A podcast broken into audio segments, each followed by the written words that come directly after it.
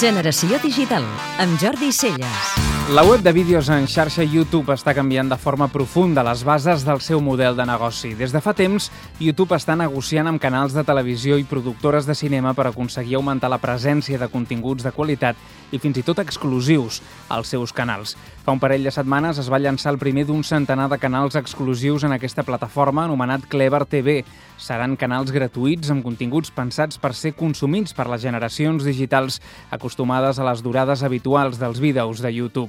En aquesta mateixa línia, aquesta setmana s'ha fet públic l'acord de Disney i YouTube que portaven negociant des de feia més d'un any. En termes generals, YouTube serà el principal distribuïdor de vídeo digital dels continguts de Disney, des de les pel·lícules clàssiques de dibuixos animats fins als actuals sagues de Pirates del Carib o pel·lícules en 3D de Pixar, totes estaran a disposició dels usuaris de YouTube que les podran llogar per períodes de 24 a 48 hores amb un preu d'entre 1 i 4 dòlars.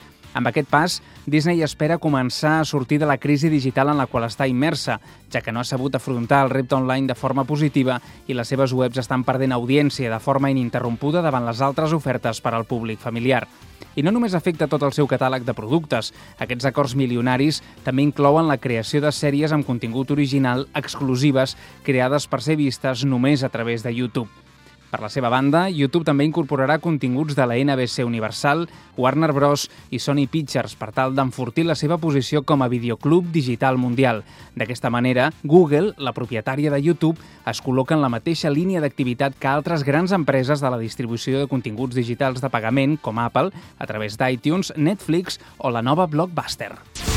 Podeu escoltar Generació Digital cada dissabte de 4 a 6 de la tarda a Catalunya Ràdio.